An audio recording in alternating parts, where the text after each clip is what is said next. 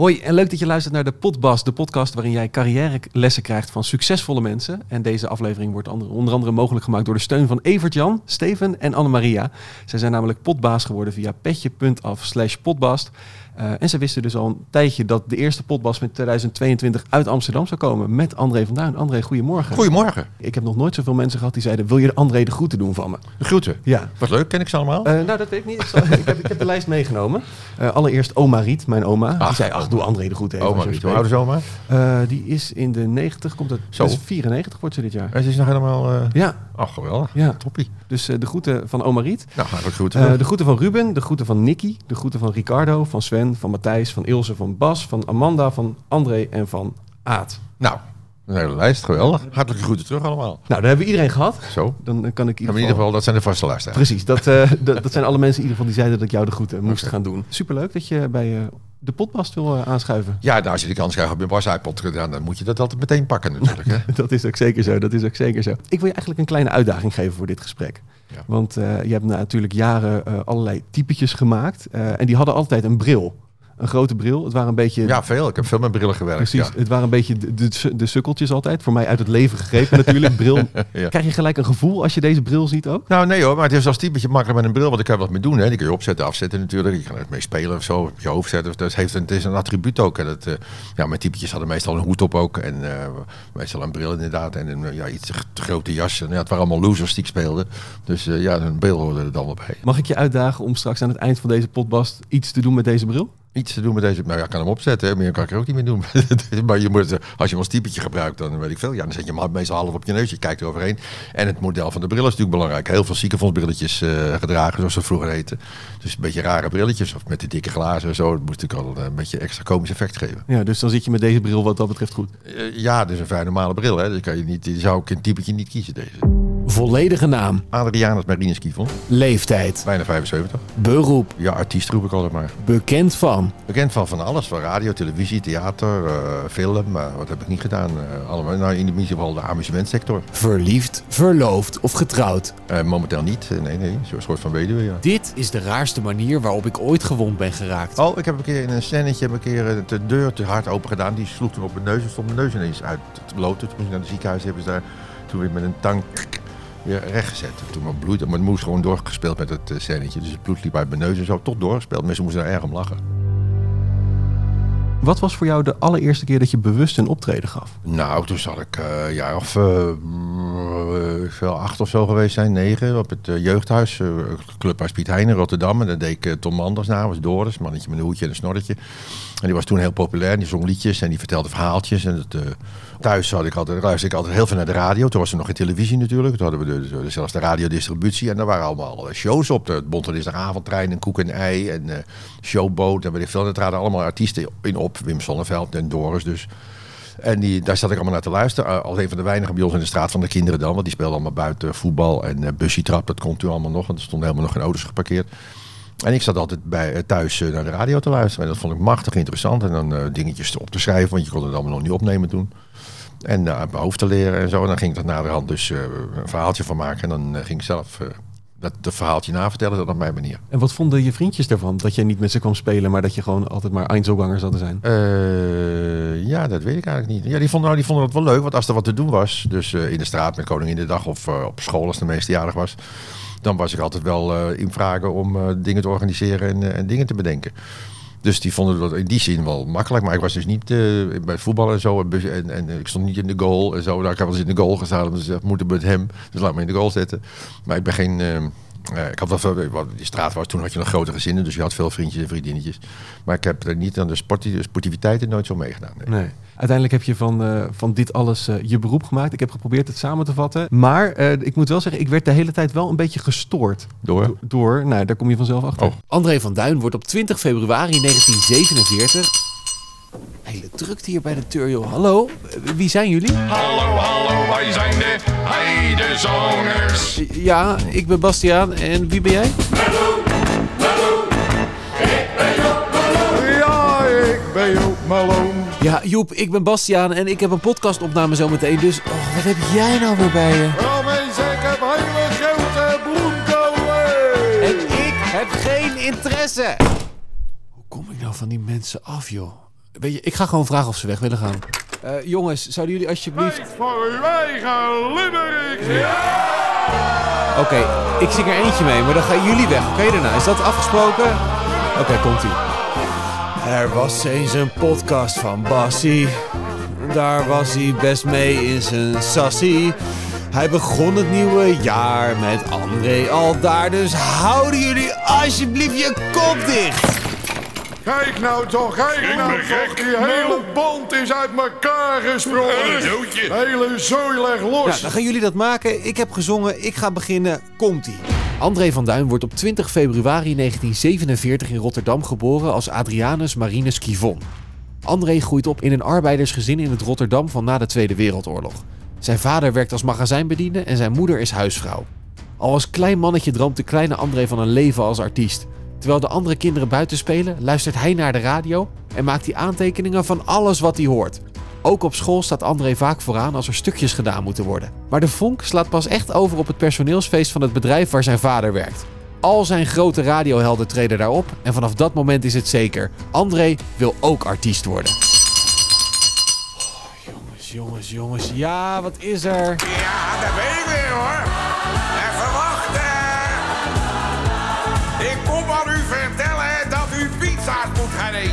Och, vent, je had ook gewoon een briefje door de brievenbus kunnen doen. Ik ben er helemaal klaar mee. Na de basisschool gaat André naar de ambachtschool voor een opleiding machinebankmedewerker. Maar dat deed hij eigenlijk vooral omdat hij wat moest gaan doen. Ook werkt hij in een magazijn, bij een zilverhandel en bij een drukkerij, maar het is niet wat hij wil. Dit is dicht. Wat een rust. Als klein kind monteert André radiofragmenten aan elkaar en treedt daarmee op in bejaardenhuizen en ziekenhuizen. Ook stuurt hij als 15-jarig mannetje als André van Duin sollicitatiebrieven naar verschillende omroepen. Maar ze vinden hem te jong. En toch zet André door. Als hij 16 is, wint hij een talentenjacht op tv en daarna zit zijn carrière in de lift. Hij gaat optreden door het hele land. Eerst in het snabbelcircuit en uiteindelijk met zijn eigen revue. Ach, dan kunnen ze je via de deur niet bereiken en dan gaan ze je bellen. Ja, met Bastiaan. Ja, daar is hij weer hè. Hey, Dick. Nou, nou. Nou, nou. Nou, nou. Nou, dat zal je verbazen, maar goed dat je belt, want de Dik voor elkaar show is begin jaren 70 André's doorbraak bij het grote publiek. En in de jaren die volgen maakt André heel veel radio- en tv-programma's, liedjes, voorstellingen en hij wint tientallen prijzen. Maar niet altijd zonder kritiek, want enkele typetjes vielen bij sommige mensen verkeerd. Niemand? Niemand die belt nu? Oh, ik had verwacht dat Willempje eigenlijk wel even langs zou komen. Nou goed, dan kunnen we door. De laatste jaren heeft André een veel serieuzere kant van zichzelf laten zien als presentator van Heel Holland Bakt, als zanger van verschillende chansons en als Evert in het geheime dagboek van Hendrik Groen. Ook maakte hij grote indruk met zijn speech tijdens de dodenherdenking. Je bent hier vrij. Vrij met de oorlog als het negatief van de kleurenfoto van de vrede. André van Duin is al jaren een van de bekendste en meest geliefde mediapersoonlijkheden van Nederland. Een groot talent waar we hopelijk nog jaren van... nee, nee, nee!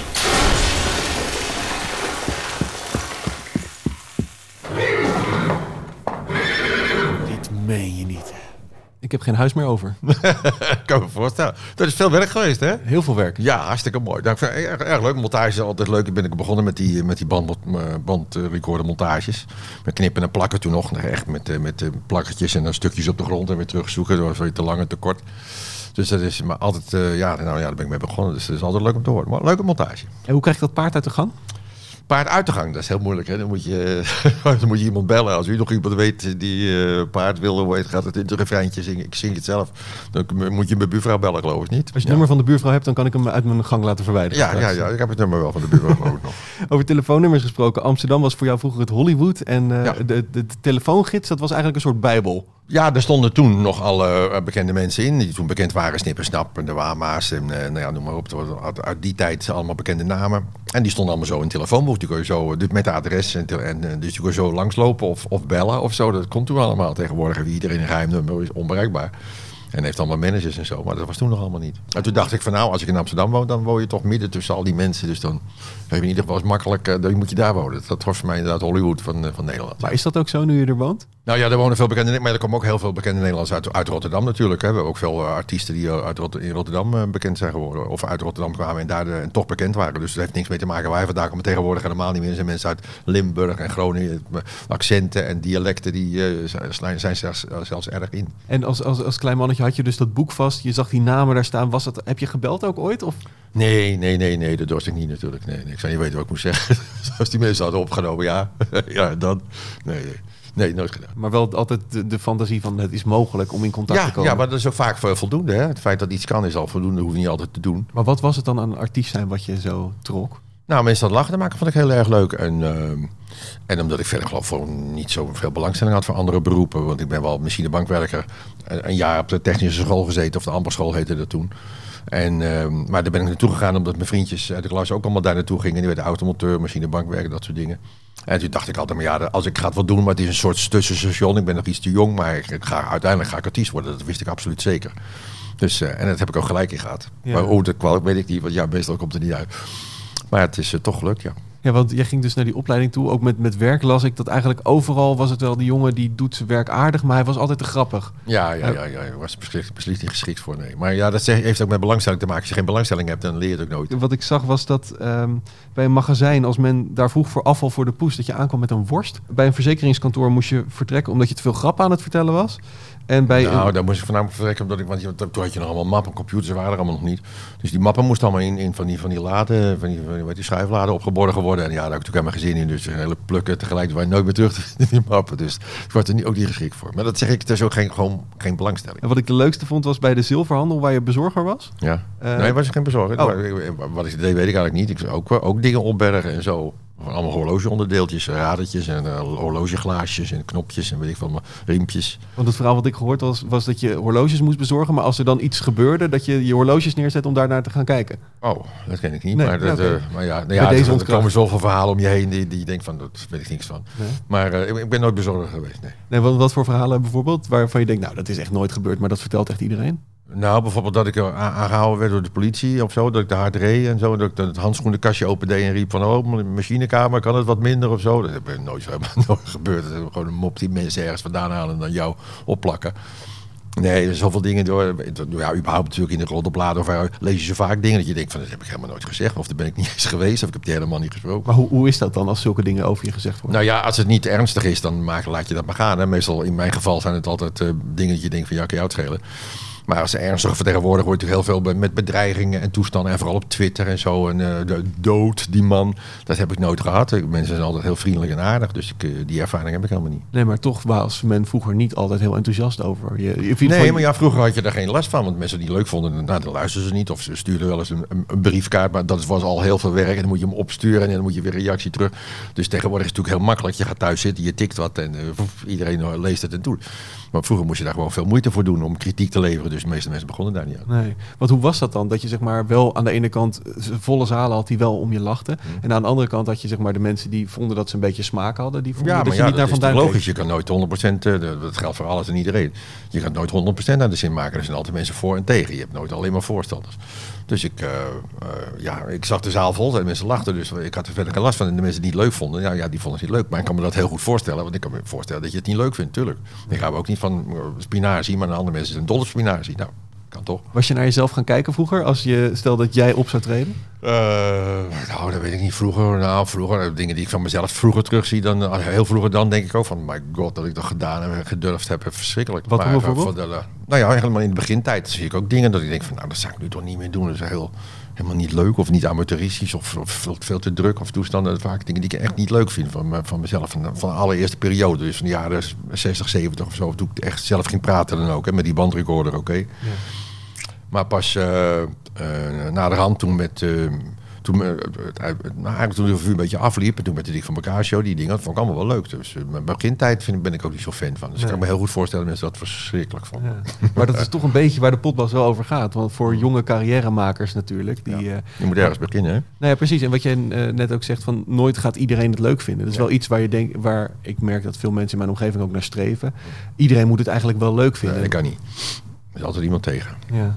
En hoe kan je daar het best mee omgaan dan? Daar moet je gewoon mee omgaan. Dat, dat dat, zo, zo, je bent zelf ook niet overal voor, toch? Je bent, eh, er zijn ook dingen die je, die, die je wel bevallen of die je niet bevallen. En eh, nou, die dingen doe je dan niet. Maar het is natuurlijk raar dat mensen als dingen niet leuk vinden, dat ze dan toch gaan op reageren. Ja, dat moet je dus niet doen. Je moet er gewoon dan niet naar kijken of niet mee omgaan of whatever. Niet, eh, niet je eraan, ja, er- er- ergens je aan ergeren kan ook eh, ergens leuk zijn. Ik vind het ook vaak wel eens leuk om naar een programma te kijken wat ik verschrikkelijk vind. En dan zit ik alleen maar te denken, wat een verschrikkelijk programma. ja.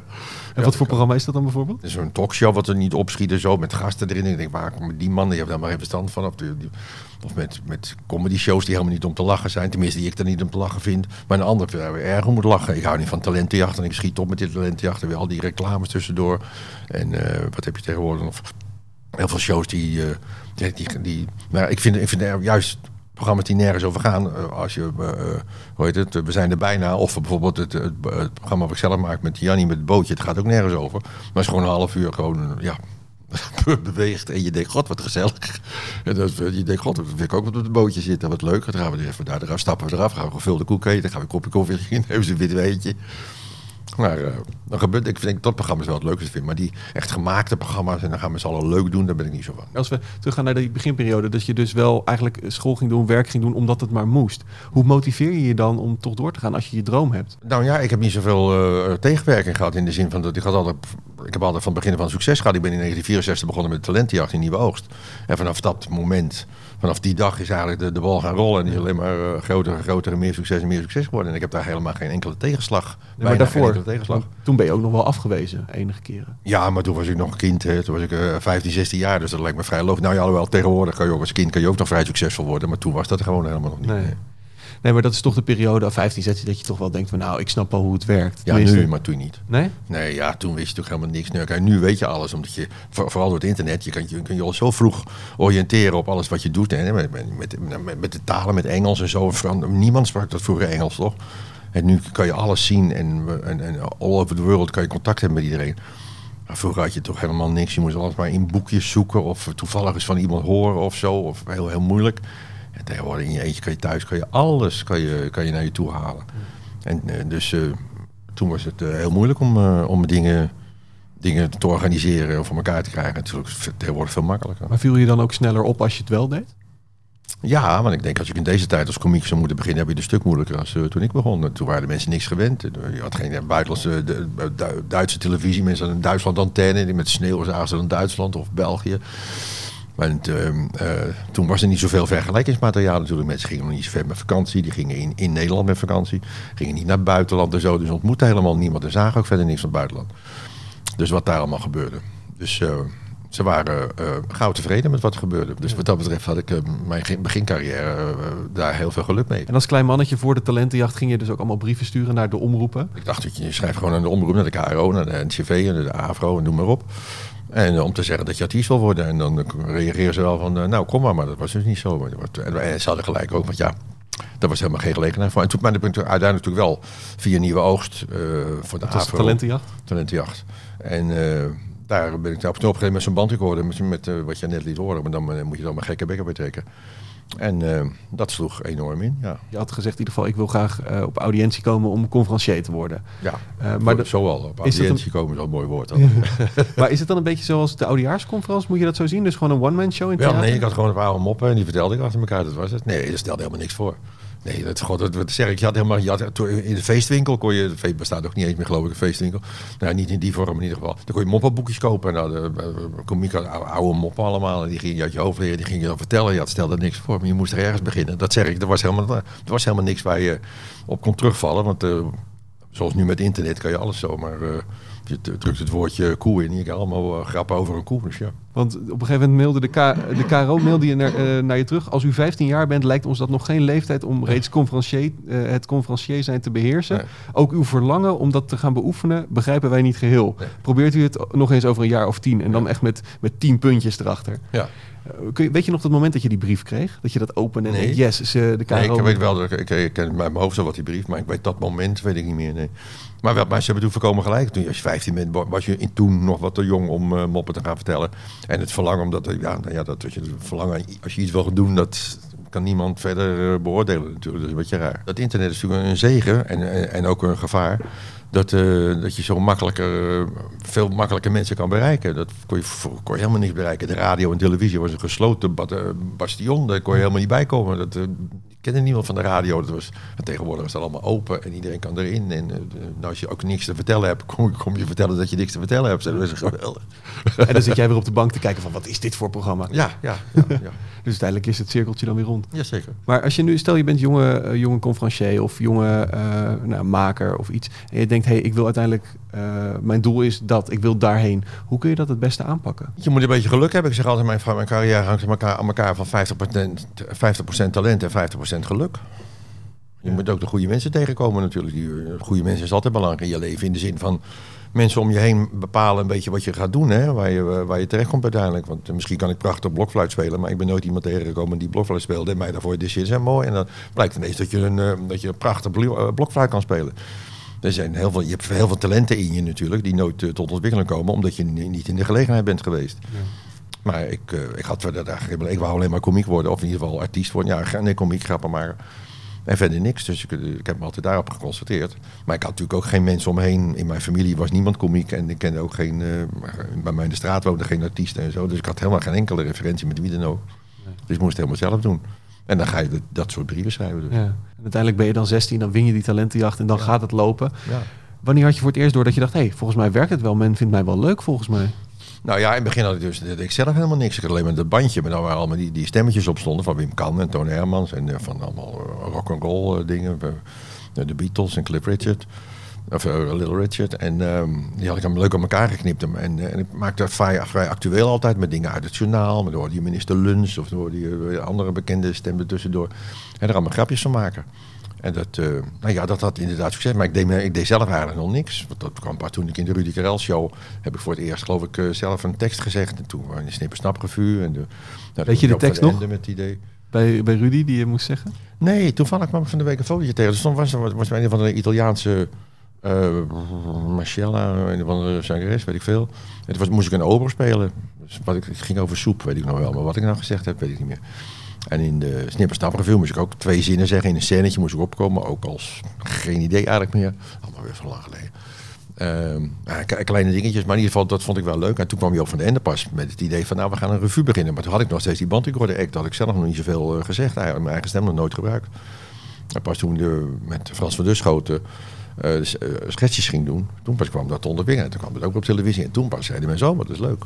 Maar voor die tijd had ik, was ik als andere, met mijn eigen geluid helemaal niet bekend. Nee. Vond je dat spannend ook om met eigen geluid te gaan? Nou ja, dat ging, dat ging geleidelijk, wat ik net zeg. Hè. Een zinnetje in een woordje, Ja. woordje. En dan- door mijn act deed ik ook wel eens wat zeggen en zo. En dan ging die band weer verder.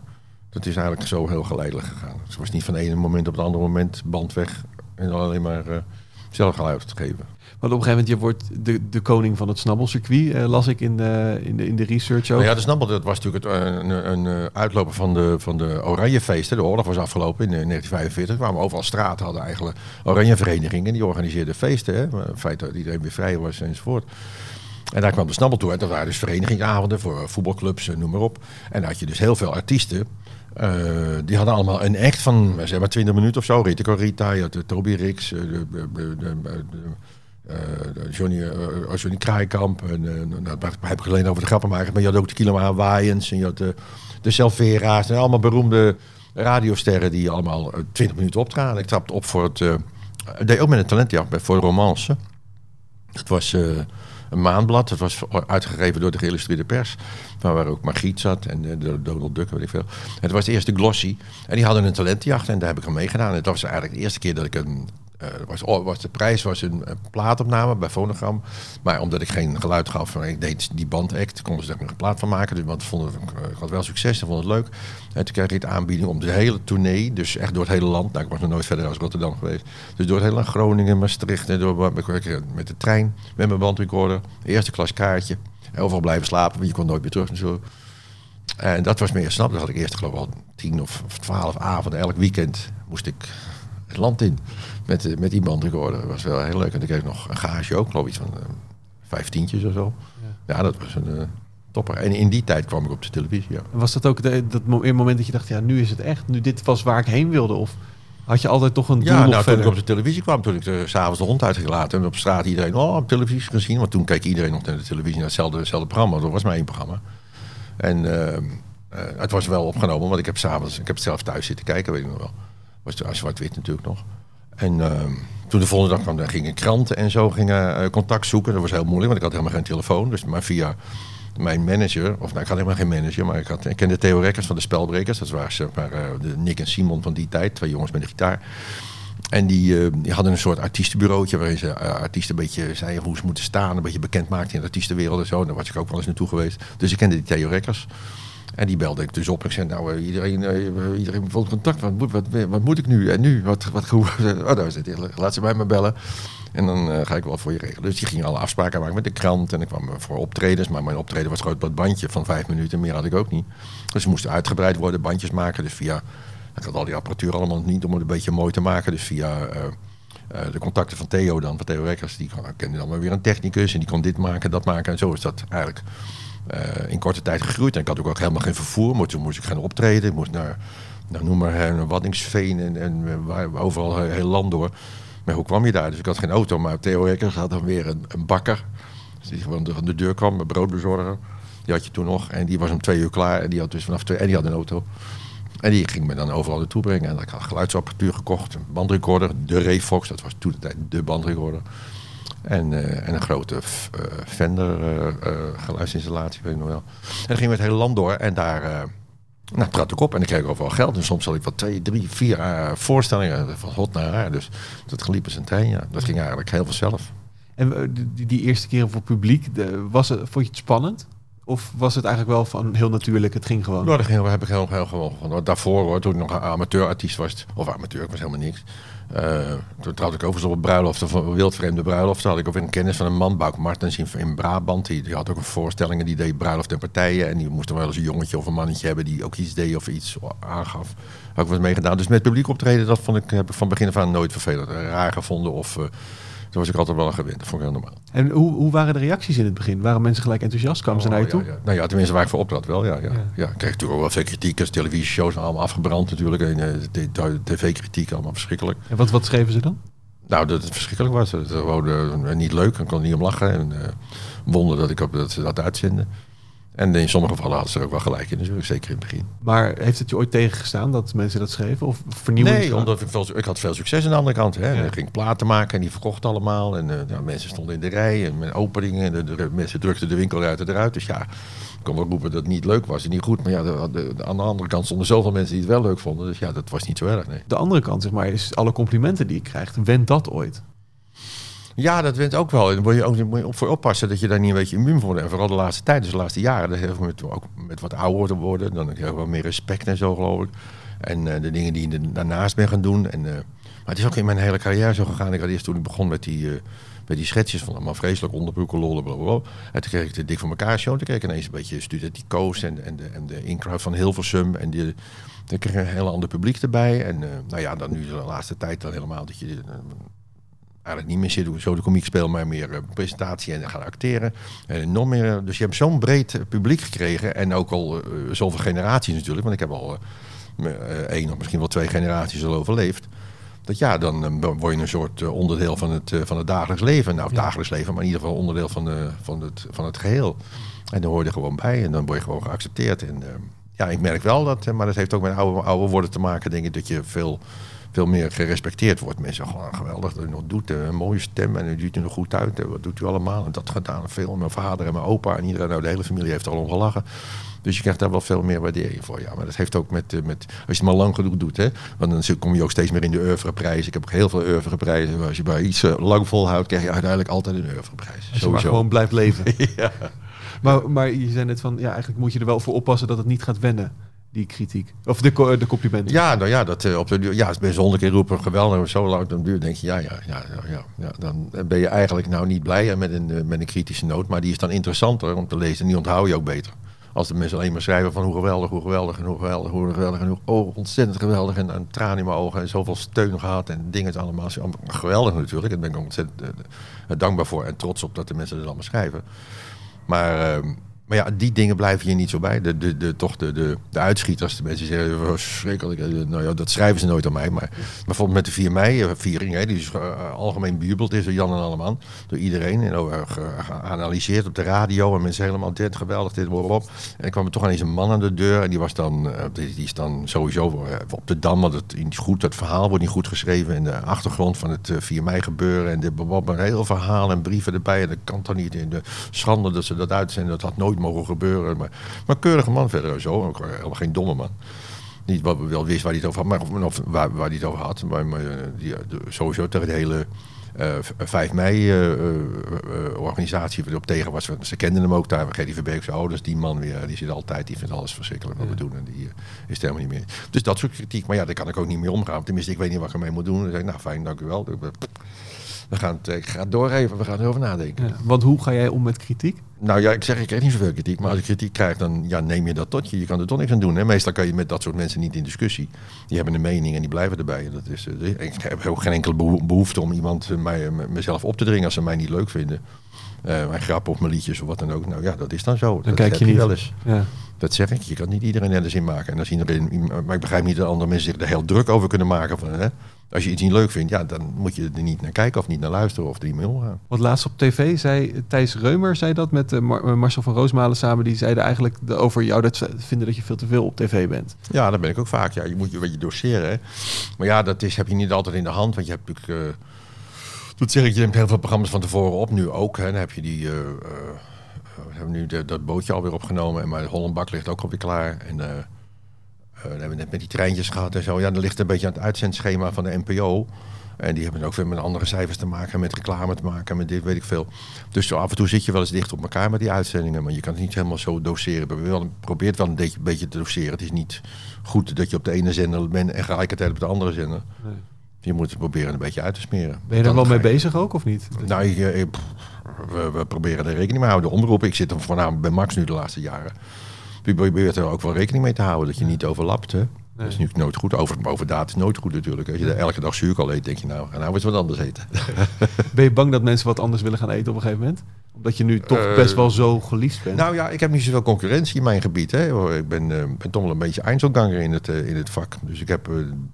eh, ik ben niet een zanger. Die, eh, een zanger heb je heel veel zangers of zangeressen of dingen. Maar eh, wat ik doe, daar er is niet zo heel veel van die en grappig zijn en presenteren en toneelspelen en al die dingen tegelijk. Dus altijd wel iets wat iemand leuk vindt. Want mensen die mij als komiek verschrikkelijk vinden, vinden dan wel weer dat je mooi zingt. Prachtig. Dus ja, Ja. je kan iedereen wel een beetje bedienen. Een van de kritieken las ik van Joop van den Ende aan het begin. Jullie zijn samen begonnen. Hij had een klein theaterbureautje. Daar kwam jij als beginnende artiest eh, ook bij. Eh, en hij eh, zei vooral dat, dat je veel afraffelde in het begin. Het was allemaal te snel. Het Ja. was allemaal... Ja. Ja, ik ben nog steeds hoor. Dat ik dingen gauw, ik hou van- dingen gauw, gauw, eh, afwerken. In de zin van dat het moet gauw klaar. Ik ben altijd bezig met hoe laat is het afgelopen. Als ik ergens binnenkom, vraag ik ook eerst hoe laat zijn we ongeveer klaar. Ik ben niet van, dan ga ik genieten van het moment. Ga leuk. Dit, ik ben altijd bezig van wanneer is het afgelopen. Ja. Speelt het nu ook? Eh, dit is, we hebben het ook van een uur. Dan denk ik, oh ja, een uur, dat gaan we doen. Ja. dat red ik wel. ja. Nee, want eh, Joop die zei dat. En er, was één verhaal, dat ook, kunnen we gelijk even factchecken bij je. Dat er ooit ehm, eh, dat jullie voor de eh, soldaten moesten spelen. Ja, ja. Eh, en dat hij de laatste tien minuten kwam kijken. Mhm. eh, en dat alles al ingepakt was. En jij was al op de snelweg. Ja. Nou ja, maar dat was voor de, eh, voor de soldaten sowieso een moeilijke zaak. Toen had je nog de, de welzijnszorg. En elke dinsdagavond, er heel veel artiesten, die had je dus de, waren voorstellingen in, het, eh, in, het, eh, in de kazerne. En, maar ja, dat waren allemaal jonge jongens. En ging het bier, vloeide daar welig en zo. Dan kwamen wij bij die grapjes. Die waren meer geïnteresseerd dan een, leuke zangeres die opkwam. En daar werd heel veel gejoeld en meegezongen. Dus wij met de sketches gingen daar een stuk sneller als dat ze in de normale voorstellingen gingen. Ja, omdat er maar gewoon niet om gelachen werd. Dat mensen gingen erheen lullen of schreeuwen dingen. Dus dat was een logisch gevolg. Nee, militair was niet eh, de, de, de leukste manier om op, voor op te treden. Maar ja, het bracht geld om. Het was elke dinsdag. Het was meestal een contract van eh, 30, 40 avonden in het jaar. Dus dat eh, sloeg je niet af. Nee, dus eh, Joop die kwam daar aan en jullie waren al weg. Wij waren, waren al weg met de auto. Toen heeft hij ons ingehaald met de auto. Godverdomme, ik had het niet maken. Ja, Joop moest natuurlijk eh, eh, afrekenen. En eh, ging, ging de, de, de leiding ging natuurlijk klaar. Die voorstelling was al om half tien klaar. Van, van, in plaats van tien uur, ik zeg maar wat. Dus dat was natuurlijk eh, niet goed, nee. En hoe, hoe was dat dan om op zo'n podium te staan dat het publiek eigenlijk geen ene zak Ja, interesseert? de automatische, pila- automatische piloot. Hè. Ja. Dan heb je het onder elkaar leuk. Dan heb je met elkaar lol en dan... Ja, dus voordat, daar begrijp ik ook mensen die alleen werken. Je wil heel veel, heel veel cabaretiers die dus alleen werken. Dan denk ik, ach, dat is zo moeilijk als je een zaal hebt die niet wil. Je hebt, ja, de ene zaal is leuker dan de andere zaal. Dat ligt aan de, aan de zaal of aan de publiek of aan de samenstelling of van, weet ik veel. Het kan er van alles liggen. Dan, ehm, dan lijkt het me in je eentje heel moeilijk. Maar als je nog met z'n tweeën bent, als je een duo bent of met een groep, ja, dan heb je het onder elkaar. denk je, nou ja, ze lachen niet. Maar ja, we hebben het samen en we gaan een beetje onder elkaar uh, grappen maken en leuk. Dan heb je het nog wel een, een beetje houvast. Maar dat kan vaak kan wel eens voorkomen in sommige zalen. Je hebt hier, vroeger praat ik over Snabbel, toen heb je hier Karstapolski hier zo, een feestzaal. Alles, altijd succes. Wat er stond, had altijd echt, oh, het dak ging eraf altijd. En datzelfde, dat ging je met hetzelfde programmaatje naar, uh, naar Lommerijk. Nou, heet het Lommerijk? Nee, uh, Waar nu de, hallen zijn. Vroeger heette dat Marcanti. Marcanti, daar ging alles de mist in. Alles, alle nummers die overal succes hadden, gingen daar altijd de bus in. Dat lag dan aan de zalen van de binnenkomsten, weet ik veel. Maar er zaten ook dezelfde mensen in de zalen. Voetbalverenigingen, personeelsverenigingen. En toch uh, lukte het de ene zaal beter dan de andere zaal. Waar het dan ligt, nooit achtergekomen. Maar er zijn uh, legio dingen die we hebben weggegooid. En we dachten, dat we dachten met, met scènetjes, maar vooral met Frans Verduschoten, die we dan gerepeteerd hadden. En dan, wauw, dat is leuk. En dan zeg je, ja, dit zeg ik dat. En, uh, en dan lachten ze wel. Maar ook vaak dat ze niet lachten. En ook vaak dat ze lachten om dingen dat we dachten, waarom lachen ze nou eigenlijk? En heel vaak gaat het, ik weet nog wel, met, met een, een, scènetje. Dan riep, ik, riep Frans van grote, die was dan de dokter. En die riep dan entree. En dan riep ik achter de deur Peugeot. En dan lachten ze al helemaal dubbel. En nooit achtergekomen wat daar nou zo... Ja, het is natuurlijk twee Franse woorden, maar... Wat daar nou zo geestig was, het, altijd voor, kijk ik me altijd met verbazing aan van, heb jij het? Nee, begrijp het ook niet. Maar als het publiek maar lacht, dan is het Ja, als ze maar lachen, ja, ja. ja. dat was zeker in het begin het, het credo, als ze maar lachen. Dat is natuurlijk nu al lang niet meer, want als ze maar lachen is natuurlijk heel gevaarlijk. Want, uh, je moet natuurlijk tegenwoordig heel erg op je woorden letten, want ja, dat is nadeel van uh, comedy. Het gaat altijd over iets of iemand, hè. Altijd is iemand, iets of iemand is altijd de klos. En tegenwoordig trap je op zoveel korte, uh, lange tenen. Ja, dit is bijna niet meer te doen om, uh, om een grap te maken zonder iemand te beledigen. Wat mij opvalt, ik, ik spreek ook met veel mensen hier in de podcast natuurlijk over hun voorbeelden. En voor veel mensen ben jij een voorbeeld. Mm. Um, we hadden het net over complimenten. Gaan die wennen of niet? Went dat als mensen zeggen, je bent mijn voorbeeld geweest? Wat doet dat met je? Ja, dat vind ik altijd leuk. Ja, nou ja, het is altijd sowieso hartstikke leuk om dat te horen. En ik krijg inderdaad heel veel mensen die... Uh, die naar me toe komen en zeggen, ja, was dat vooral te veel geluisterd om gaan lachen en zo. En nou, dan ben ik ook begonnen met dit of dat. Ja, dat, is, dat, is zo, dat, dat deed ik vroeger zelf ook. Dus, uh, had ik ook voorbeelden, wat ik net zeg. Uh, Doris en Toon Hermans en Rudy Karel. En, ja. Dat waren ook mijn grote voorbeelden. Dus dat, die heb ik ook wel eens aangesproken. Zeg, God, ik, ik kan ook, wat u doet, dat uh, doe ik ook. Ja. Oh, wat leuk. ja, ja, wat? Ja. Wat onder andere Jennifer Hofman, die in de vorige aflevering zat, die zei dat ze door je, de vrouwelijke André van Duin wilde worden vroeger. Mm. Maar ook Rob Kemps. Uh, ja, die hebben elkaar inmiddels ontmoet ook. Ja, ja, ja. ja. En, ja die is een mega fan, ja. ja. ja, maar wat vind je van zijn werk? Nou, ik kende hem helemaal niet. Alleen als snollebolk had ik wel eens op televisie gezien natuurlijk. En natuurlijk van links naar rechts. En verder, maar ik vind ja, het is natuurlijk verbazingwekkend. Zoals die man ineens iedere dag, oh, dat is die carnavalfiguur. Die in de slimste mens dan de slimste mens wordt. Dus dat wint. En dan daarna ook nog blijkt heel intelligent te zijn op het, hele Franse uh, gebeuren. Overal, al die namen weet teksten spreken. Ze spreekt ook Frans, heeft er gewoond. In de, dan komt een hele andere figuur uh, naar boven. Als dat je denkt van snollebolken van uh, links naar rechts. Ja. Dat is natuurlijk, ja, dat is verbazingwekkend. Ja, ik heb er zelf ook met verbazing naar gekeken. Denk ik, echt waar? Hoe kan dat nou? Ja. Het is eigenlijk een beetje hetzelfde traject wat jij hebt afgelegd, toch? Ja. Van, hij vermaakte hele grote groepen. Uh, men dacht, oh, dat is die, uh, die platvloerse gast. Ja. En uiteindelijk bleek er veel meer in te zitten. Ja, maar Rob Kemp is intelligenter dan ik hoor. Ik, ja. ik spreek geen Frans, dus ik heb niet zoveel, uh, zoveel know-how als hij. Hij zei ook in de, bij ons in de podcast van... eigenlijk zijn grote droom is als jij een keer bij hem in het Gelderdoom komt optreden... Ja. met paard in de gang, al is het maar 30 seconden. Hebben jullie daarover gepraat? Er is ooit sprake van geweest, maar dat is toen niet doorgegaan. Toen kon ik niet, of er was iets, weet ik veel. Maar we, we zijn, het is wel eens een keer georganiseerd. Zelfs dat hij het niet wist, andere, andere dat georganiseerd. was dan als verrassing voor hem.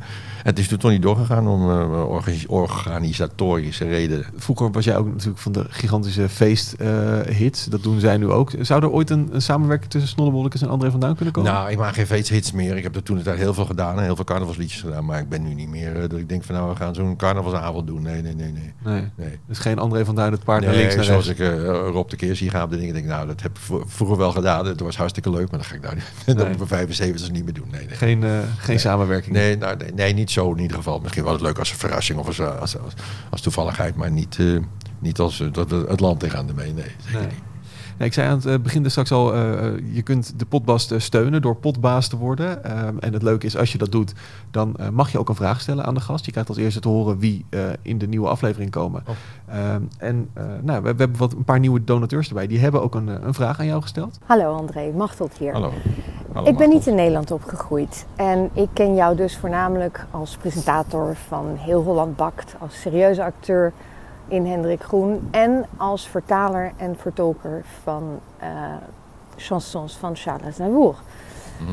Mijn vraag is, als ik de echte André van Duin zou willen leren kennen, welke sketch of welk typetje moet ik dan absoluut bekijken? Nou ja, de echte André van Duinen zit natuurlijk niet in de sketches. Want dat zijn natuurlijk allemaal typetjes. En eh, dat, zijn, dat ben ik dus helemaal niet zelf. Ik ben eh André van Duinen, dat is eigenlijk wat nu, zoals ik gewoon zit te babbelen. Dat is gewoon André van Duinen.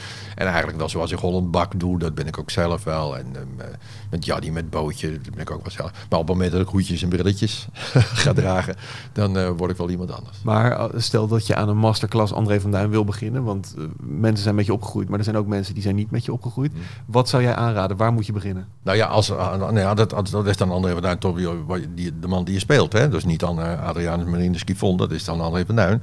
En dan vind ik toch de Dik voor elkaar die ik ook altijd het leukste heb gevonden om te maken. Met Ferry de Groot samen. Eh, vind ik dat het beste voorbeeld dan.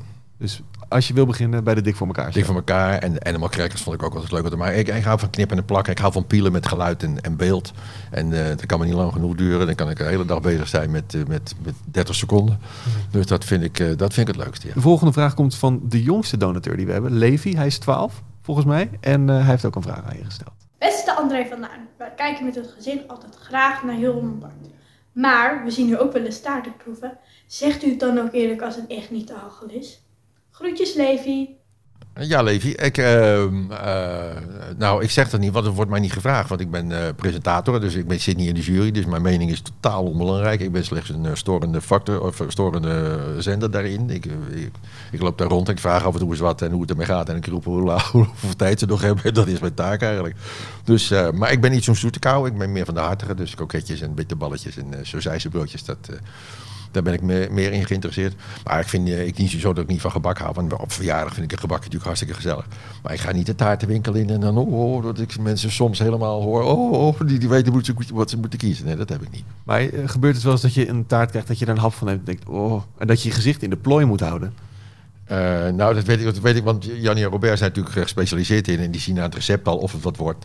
Dus die weten eigenlijk al wat eh, ze gaan vertellen. Hij smaakt naar dit. Maar eigenlijk weten ze dat allemaal al. Ze, zitten in dat vak. Dus die roepen al van, nou, dat gaat hem niet worden. en Zo. Dus dan weet ik al, die moet ik niet nemen. Die moet ik wel nemen. En wat gebeurt er eigenlijk met die taarten na de opnames? Wordt dat opgegeten? Wordt het Nou, weggegooid? eh, meer dan gaat mee terug met de bakkers. Want die zijn erg trots op hun, hun werk wat ze gemaakt hebben. En, in de, en we hebben natuurlijk een hele crew eromheen. Het programma wordt met een mannetje of misschien wel 30 of zo gemaakt. Dus die gaan ook al een hapje proeven. al Die snijden dus er is nog met de helft over. En de helft gaat meestal terug met de, met de maker. Laatste vraag die komt van Jeroen. Hey André, Jeroen hier. Leuk dat ik jou een vraag mag stellen. Waar ik wel benieuwd naar ben is, hoe is het nou als je zo bekend bent en altijd en overal herkend kan worden? Vind je dat leuk of is dat ook wel eens vervelend? Dat zou ik graag van je willen weten. Nou Jeroen, dat is eh, leuk en niet leuk. Soms is het leuk en soms is het minder leuk. Allemaal ik zeg, eh, eh, mensen zijn niet zo vervelend tegen mij. Of, ze roepen mij nooit na. Of, eh, boer, lul, of dat soort dingen heb ik nooit. Het is altijd heel vriendelijk. En meestal tegenwoordig, vroeger was het natuurlijk al een tekeningetje. En tegenwoordig allemaal een fotootje maken, een, selfie. En ja, over het algemeen heb ik er niet zo moeite mee. Er zijn heel veel artiesten die zeggen, oh, ik ben nu bezig, ik heb druk, ik heb er geen tijd voor. Dat heb ik eigenlijk nooit. Want je, bent langer bezig om te zeggen dat je, dat je het niet doet, dus dat je het wel doet. Dus ik kan er wel heel goed mee omgaan. Ik, heb, eh, ik vind het, het bekend zijn helemaal geen, eh, geen bezwaar. Maar als je hier nu naar buiten zou lopen op de gracht, binnen 10 minuten, hoe vaak word je aangesproken? Nou, niet zo vaak, want Amsterdam is natuurlijk eh, erg... ah, lopen er heel veel buitenlanders die me helemaal niet kennen. Hè? Ook mensen die hier werken gewoon hier. En, maar ook veel toeristen. Nou, daar nu geen toeristen, maar normaal gesproken lopen er meer toeristen dan Amsterdammers. En Amsterdammers zijn het wel gewend dat die allemaal bekende mensen lopen. Dus die kijken er ook niet zo van op. Dus dat valt wel mee. Ik hoor altijd artiesten die zeggen, ik kan de straat niet meer op. Nou, dat heb ik, heb ik nog nooit meegemaakt. Nee. Een beetje overdreven. Zeer overdreven. Maar ehm, een van de dingen van het hele bekend zijn is ook de roddelpers. We hadden het er straks al kort even over. Die zijn er op de goede momenten, maar ook op de minder goede momenten. Hoe, hoe is jouw verhouding met de pers? Oh, goed wel. Ik kan altijd heel goed met de pers eh, door de bocht heen. Ik ken ze ook hier allemaal. En ik kan ze eh, persoonlijk eh, aanspreken. Van god, schrijf dat maar niet. Of dat wel. Dat is altijd wel te dealen met de pers. Nou, sommige pers niet, want die schrijven dan. Dat zijn tegenwoordig op het internet weer. Er zijn natuurlijk helemaal heel veel van die eh, eh, mensen die ook schrijven, die zich ook eh, eh, pers noemen en die jammer geen pers zijn eigenlijk. En eh, die schrijven dan wel als wij geen controle over hebben. Maar ja, dat zeg ik. ik heb niet, over mij wordt nooit zo vreselijk vervelend geschreven eigenlijk. Eh, wel dingen die je persoonlijk meemaakt, hè, als er iemand overlijdt of zo. Maar, niemand, maar verder heb ik geen, eh, geen, geen roddels of rellen om me heen. Ik loop niet dronken op straat. Ik, heb geen, ik doe geen foute dingen. Dus ik heb wat dat betreft niet zoveel zorgen. Maar hoe is dat zeg maar ook, bijvoorbeeld uh, Jan Man is overleden, hoe is dat dan als de pers er dan ook is? Want op dat... Ja, nou ja, dat vond ik wel eigenlijk wel, nou niet prettig, maar ja, je hebt, maakt er iemand anders heeft er niks mee te maken. Aan de andere kant geeft het ook wel veel troost, want daar heb je heel veel mensen die, zeggen, oh wat erg voor u, wat verschrikkelijk en dat ook meegemaakt en zo. Dus die eh, allemaal gaan proberen te troosten. En dat is natuurlijk eh, ook weer het gevolg daarvan, omdat de pers daarover schrijft. En of nou de Rotterpers of de, want ja, tegenwoordig schrijven ze alles van elkaar over.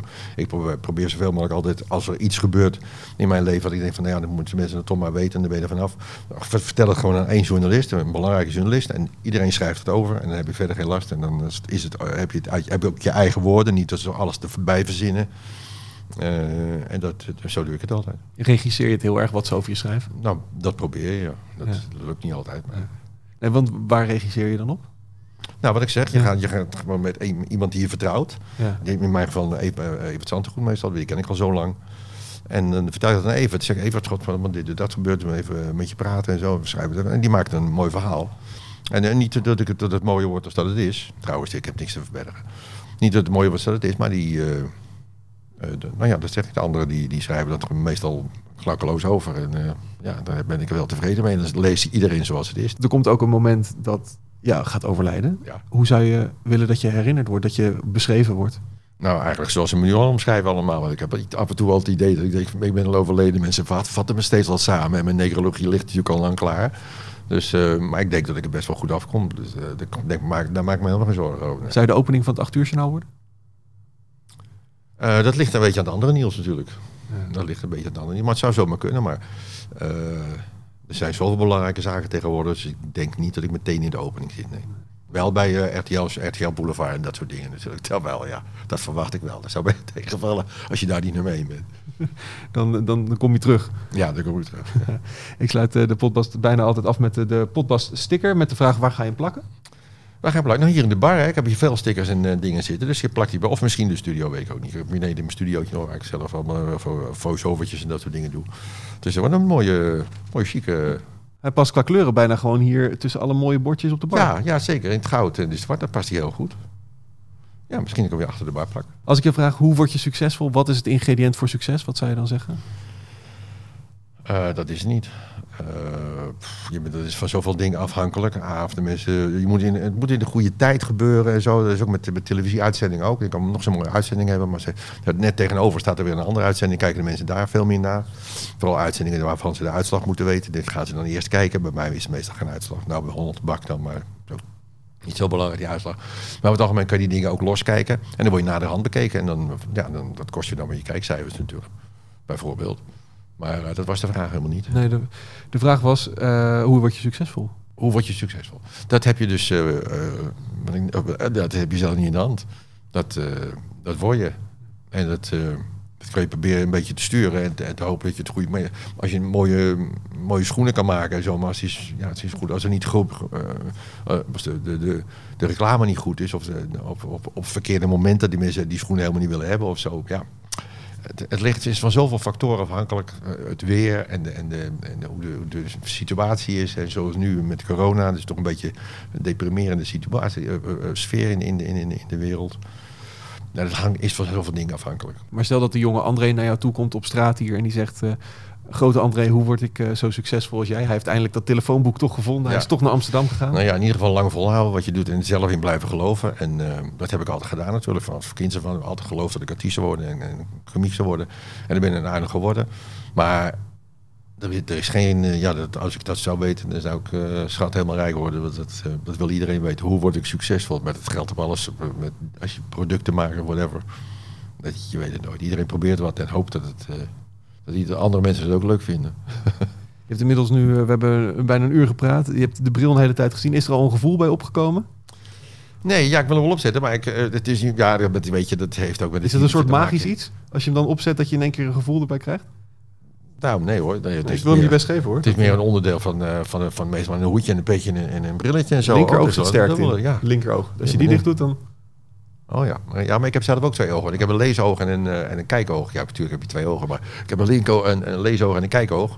Eh, wat is vroeger laser. Tegenwoordig zit er al een nieuwe lens in. Dus nu kan ik ook... Deze is onscherp in de verte en deze is scherp in de verte. En andersom met lezen ook. En dat wordt in je hersens wordt er weer één plaatje. Dus ik kan lezen en schrijven zonder bril al jaren. Iedereen zegt, heb je geen bril nodig? ik had het zo lezen. Dus deze zou ik ook niet de hele dag erg dronken voor worden. Maar eh, nee, maar ja, goed, dan ga je mee, werken met die, bril. En dat zeg ik wat. Ja, het ligt een typetje, want dat kan ik zo niet. eh, zo 1, 2, 3 is mee produceren. Maar dan zet je een stemmetje bij op en zo. Dan moet hij naar de schrijftafel. Ja. Nou, ja, ik schrijf niet zoveel mis. De Dik voor elkaar show werd ook nooit geschreven en zo. Eh, eindig wat we wel eens schreven waren de scènetjes voor de Dik voor elkaar show. Of voor de, voor de revue met Van Duschoten met Ron Brandsteder. Dat maakte wel eens wat op papier. Maar meerdeel kwam eigenlijk gewoon, gingen we doen. Zullen we de potbast afsluiten zo in de Dik voor elkaar stijl?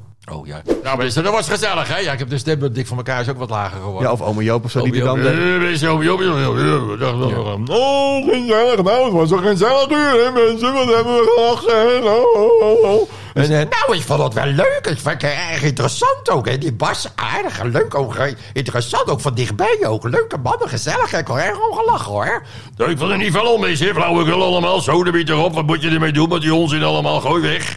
Nou, mensen, laten we nou even serieus. Even, even. Het was toch leuk dat überhaupt dat we gevraagd worden. Dat mensen over ons gaan praten. Hè, dat we weer even terug zijn. Die zo lang geleden weer even in de belangstelling, nietwaar?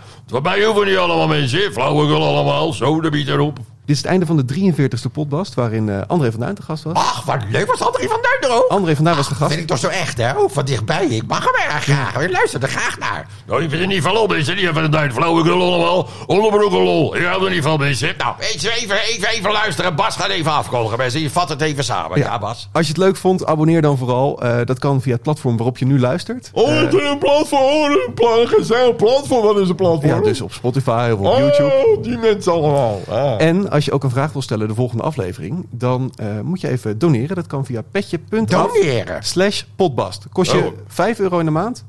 En dan kunnen wij gewoon weer twee minuten parkeren hier Wat een geld, mensen. 5 euro in de maand. Nou, eh, ik, ik verzuip het wel, mensen. André, dankjewel. Alsjeblieft.